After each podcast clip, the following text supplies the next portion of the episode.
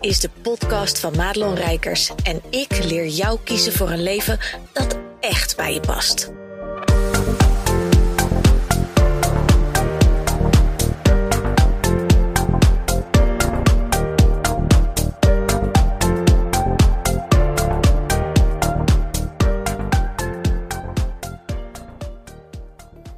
Hey, goed dat je luistert naar deze podcast. En hoogstwaarschijnlijk is de kwaliteit echt van kutum van dit geluid. Maar dat komt omdat ik uh, een podcast zit op te nemen terwijl ik in de auto zit te wachten op mijn zoontje die aan het voetballen is. Ja, ja, ik ben een heuse voetbalmoeder. En aangezien dat nog best wel een extra belasting op de agenda uh, is, ren ik dus van hot naar her met van alles en nog wat. Behalve mijn uh, super dope, toffe, chille opnamemicrofoontje. Dus um, ja, mocht je eraan storen, dan ben je waarschijnlijk ook mijn ideale klant niet. Maar ik dacht, ik zeg het toch even voordat je denkt: hm, wat is er nou aan de met die vrouw?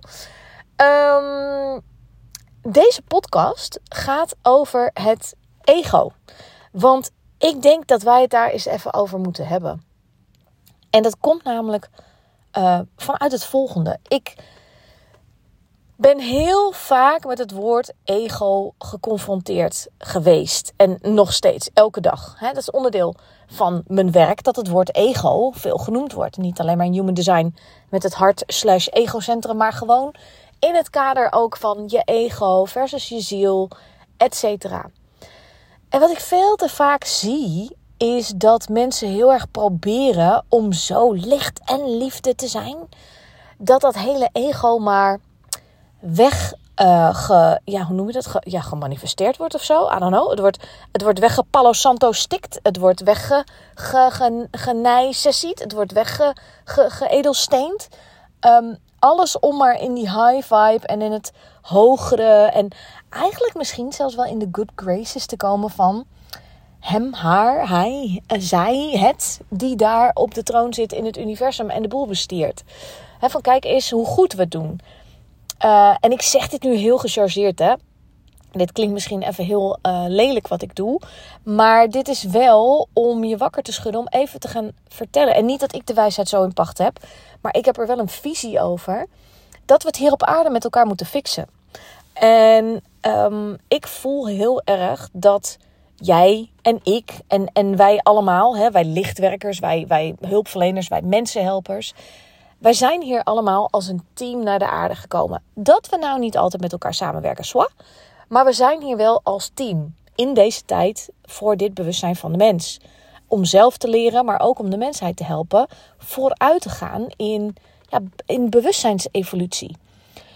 En wat ik dus heel jammer vind, en nou ja, dan druk ik me eigenlijk zacht uit, want het irriteert me echt fucking echt heel erg.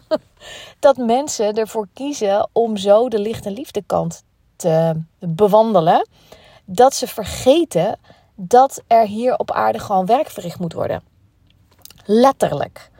En daar heb je dus je ego bij nodig.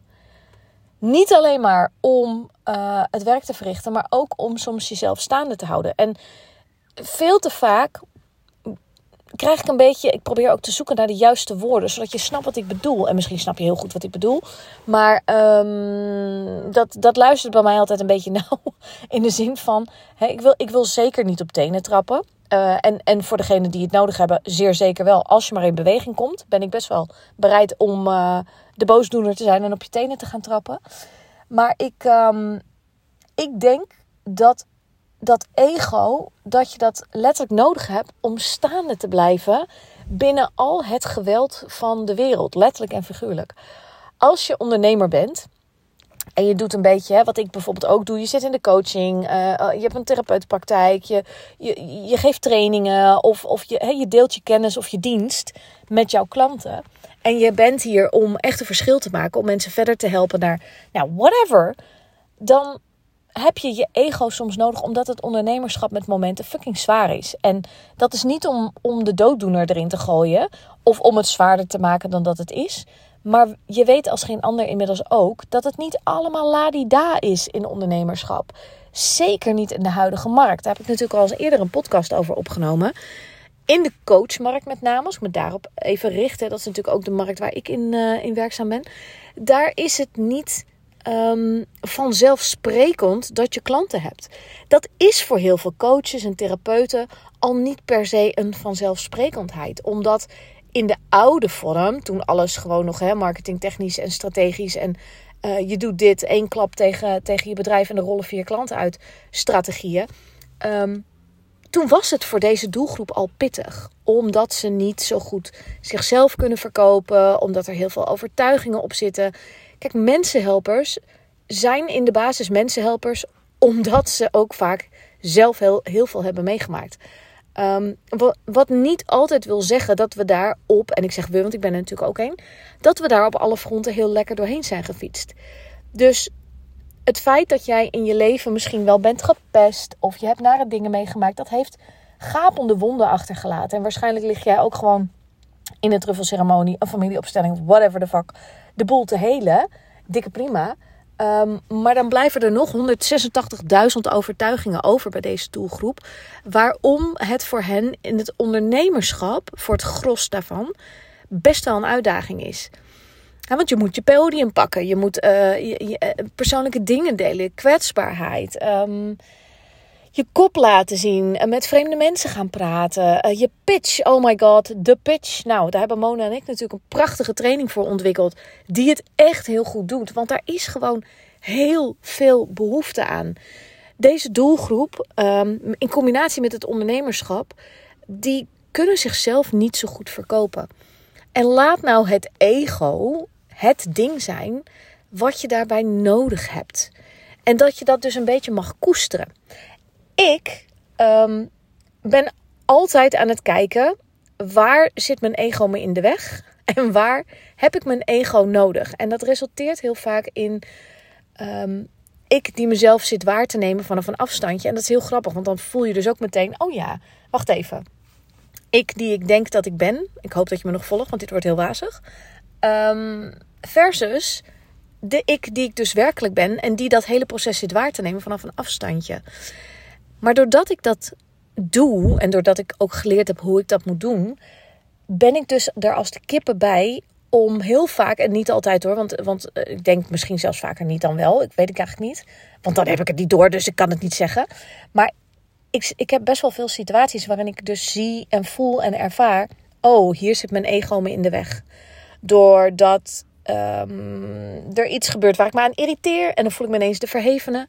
En, en dat is niet netjes, maar dat is. En dan denk ik, wie ben jij nou? In plaats van wie ben ik nou? Dan denk ik heel vaak, en wie ben jij dan? Um, daar zit mijn ego me dan in de weg, want dat dient helemaal niemand. En dat heeft weer alles te maken met mijn eigen persoonlijke overtuigingen, et cetera, et cetera. Maar ook uh, in het kleine meisje in mij, wat op heel veel vlakken nog heling nodig heeft. En dat is ook het ego, wat soms dan voorop staat, terwijl dat niet de bedoeling is. Dus het is voor mij heel erg belangrijk als coach, als mens, als moeder, als ondernemer, als mentor van andere mensen, om continu dat proces bij mezelf in de gaten te houden en te weten: hey, zit mijn ego me in de weg? En waar kan ik mijn ego inzetten? Want als jij nou denkt dat ik heel makkelijk op een podium sta, in de basis is dat wel waar. Maar voordat ik daarop moet, sterf ik ook een duizend doden. Als ik een podcast interview heb bij, um, nou ja, ik ben bij Tineke uitgenodigd, Tineke Zwart. Um, Ernst Jan van de Conversieclub nodigde me uit. Nou, dat zijn momenten dat ik echt denk: oh my god, en dan mag ik daar iets vertellen. En als ik het dan opkloot en als ik dan stomme dingen zeg, want daar heb ik nog wel eens een handje van, hè, dat je vanuit de zenuwen, vanuit je hoofd, ik ga ratelen. Dus het is voor mij heel belangrijk om ook mijn oefeningen te doen. Om goed gegrond in mijn lijf te zijn. En dat lukt niet 100% altijd. Maar het feit dat ik daar bewust mee bezig ben, maakt dat ik dit soort dingen veel makkelijker kan doen. Maar reken maar dat ik op die momenten echt wel mijn ego nodig heb. Als ik zo'n pitch training met Mona geef, heb ik ook mijn ego nodig. Er zit daar 12 man, of vrouw in dit geval, Um, want we doen die training met maximaal 12 uh, eh, vrouwen, zodat iedereen ook echt hè, volledig podiummomenten en meerdere heeft. Maar dan moet je de boel leiden. En Mona en ik hebben een hele mooie synergie. Dus dat, dat, dat doen we met z'n tweeën. Maar er wordt wel naar je gekeken. Weet je, dit is wel de dag die wij regelen. Die, ik moet even presteren, zo gezegd. Hè? Ik ga het even fixen die dag. Ja, en dit klinkt heel gechargeerd weer. Maar um, dan heb je je ego als ondernemer echt wel nodig. Ik denk ook dat er best wel veel uh, ondernemers zijn die met groepen werken en dat niet heel goed kunnen dragen.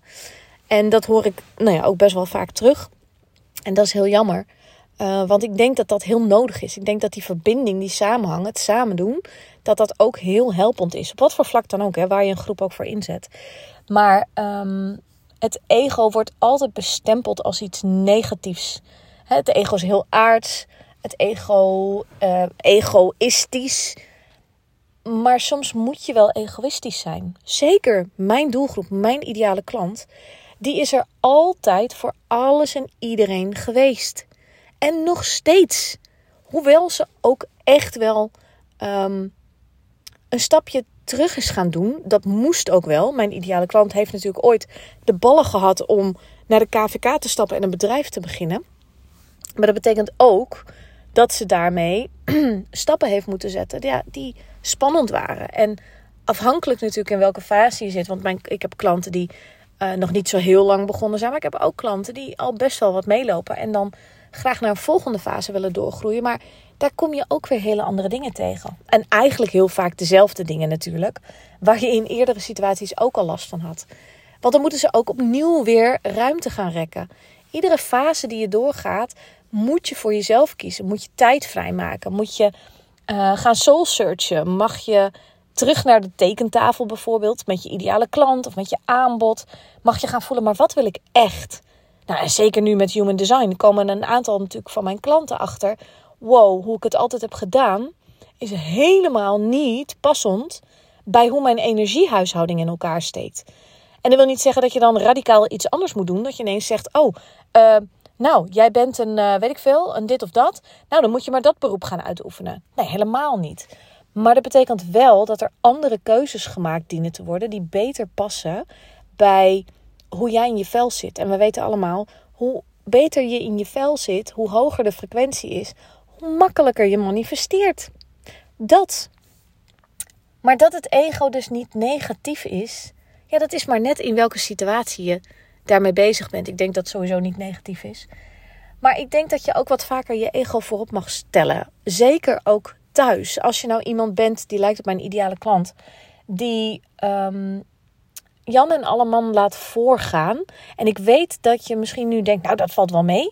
Maar ga maar eens kijken als het gaat om je directe gezin, je ouders, ehm, de juffel op school. Ga maar eens kijken als die iets aan je vragen. Hoe vaak zeg je dan ja terwijl je eigenlijk nee zou willen zeggen? En niet alleen maar omdat het je gewoon niet aan tijd hebt, maar ook omdat je er gewoon geen fuck zin in hebt. Als je heel eerlijk bent, dan denk ik, vermoed ik, net als zoveel van mijn klanten, eigenlijk iedereen, dat je best wel heel gebekt bent maar dat je tegelijkertijd veel te vaak ja zegt, veel te vaak ruimte geeft en daar best ook wel vaak van baalt. En dat geeft niet, maar dat kan echt anders. En daarvoor zul je dus ook dat ego wat meer naar voren moeten halen. Maar daar zijn we zo bang voor. En want dan worden we afgewezen. Als ik voor mezelf kies, dan ben ik bang dat mijn man daar uh, zijn wenkbrauw over optrekt. Dat mijn moeder daar iets van vindt. Dat mijn kinderen zich tekort gedaan voelen. Dat ze later bij de psycholoog op de, op de bank hangen. En ik hoop dat ze betere keuzes maken dan dat. Maar, want, oh, don't start me over de reguliere GGZ. Maar dat ze gewoon zich tekort gedaan voelen door mij als moeder. Terwijl ik probeer de wereld beter te maken. Ik wou zeggen de wereld redden. maar dat klinkt weer zo. Oh my god, wat verbeeld ik me niet. Um, maar dat is wel een beetje hoe het voelt. Dat we met een team bezig zijn om de wereld te redden. Ik probeer zelf een gelukkig en fijn, voldoenend leven te leiden. Nou, daar komt al heel veel uit dat eerste stuk. Komt al heel erg in de bakje uh, voldoening bij mij. Ik probeer een, en een goede moeder te zijn. En ik probeer ook gewoon het leuk te hebben met mezelf. En ik heb ook nog eens een keer heel veel tijd nodig om in mezelf tot rust te komen. Want daar laat ik op. Als ik opgeladen ben, dan kan ik er zijn voor iedereen. Gaat mijn batterijtje leeg, ja, dan, dan houdt het op. Dus ik heb mijn ego ontzettend hard nodig in dit aardse leven. Dat is eigenlijk de conclusie ook van deze hele podcast. En ik hoop dat jij inmiddels voelt uh, waarom ik dat zeg. Om de dingen te kunnen doen die nodig zijn om die wereld beter te maken. Om ook een goede moeder te kunnen zijn. Om ze voorbeeld te kunnen geven. Maar ook om het allemaal te kunnen dragen. Want ik draag heel veel. Ik draag niet alles van iedereen. Maar ik draag heel veel. Ik ben een coach die ook een deel van mijn klanten een beetje draagt. Waarom? Omdat ze zich nooit laten dragen. Dus ik weet heel goed uh, dat je als mentor, als coach, moet je niet je klanten uh, dragen. Maar in mijn geval is dat anders. En ik neem het ook niet in die zin mee naar huis. Dus daar hoef je nooit zorgen om te maken. Maar dat betekent wel dat ik een verantwoordelijkheid op mijn schouders voel. Om mijn mensen gewoon zo goed mogelijk te dienen. Ik voel me heel dienstbaar. En tegelijkertijd wil ik ook gewoon die ruimte voor mezelf hebben. En daarom denk ik ook echt dat als je harder werkt aan jezelf dan aan je bedrijf, dat het sowieso wel goed komt. Want als de juiste creatieve inspiratie jou kan vinden, als je maar eens een keer gewoon de tijd hebt om, bijvoorbeeld, hè, wat ik net zei over terug te gaan naar die tekentafel, dan kun je stappen vooruit maken. Is dat comfortabel? Nee, natuurlijk niet. En op het moment dat dat heel comfortabel zou zijn en je denkt: oh, iedereen sterft maar, want ik moet voor mezelf even dit doen. Ja, dan moeten we een ander gesprek voeren. Maar tot die tijd mag je best wel wat vaker gewoon voor jezelf kiezen, omdat je het nodig hebt. Wij hebben je nodig, het team heeft je nodig, maar de wereld heeft je ook nodig. En daarom is het ook zo'n paradox dat je eigenlijk door meer egoïstisch in het leven te staan zonder die negatieve connotatie, maak je dus de wereld mooier en ben je er juist voor iedereen. Nou ja, om je daarbij te helpen, ik geef elke maand gemiddeld uh, een masterclass, een gratis masterclass. Die heet Staan voor wie je bent. En daarin gaan we helemaal inzoomen op dit topic. Dat je echt je ruimte in gaat nemen. Dat je durft uit te spreken wat jij wil. En dat je dus ook gaat krijgen wat jij wil. En dat je dus niet oeverloos op alles ja zegt. Of in ieder geval niet meer op alles. Maar ook niet meer ja zegt op de dingen waar je nu geen ja meer op zou moeten zeggen.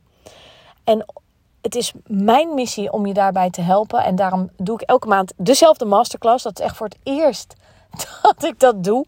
Omdat ik altijd uh, nou ja, heel vaak een ander, een ander topic. Want dan was ik weer verveeld. Maar nu voel ik gewoon nee. Deze masterclass is zo belangrijk. Dit stukje is zo belangrijk in het ondernemerschap. Dat staan voor wie je bent. Daar win je eigenlijk de oorlog al mee. Zonder dat je nog nadenkt over wat strategisch een handige foto is op je Instagram. En dat je je stories met een foto van jezelf moet beginnen. Nou, allemaal dat soort geneuzel. Throw it out the door. Ga gewoon even zorgen dat jij stevig staat. Kijk eventjes in de link in de show notes um, wanneer de volgende masterclass is. Want als ik dit opneem, heb ik geen idee. Ze staan al zeg maar tot het einde van het jaar in mijn agenda gepland. Maar kan het je nu even niet vertellen wanneer deze podcast precies uitkomt. Maar ik zal ervoor zorgen dat de link in de show notes uh, staat. Ik ga je uh, een hele fijne dag wensen. En ik hoop uh, dat je morgen of wanneer je deze podcast ook maar luistert, dat je je dag begint en gewoon eens gaat kijken: hé, hey, maar waar kan mijn ego vandaag een hele mooie rol spelen? En dat je je ook bewust bent van: hé, hey, waar speelt mijn ego een rol en is het eigenlijk niet zo heel handig? Ben ik heel benieuwd wat jouw bevindingen gaan zijn. Goed dat je luisterde naar deze podcast. Wil je meer van mij weten? Check dan snel mijn Instagram of kijk op www.maatloonrijkers.nl.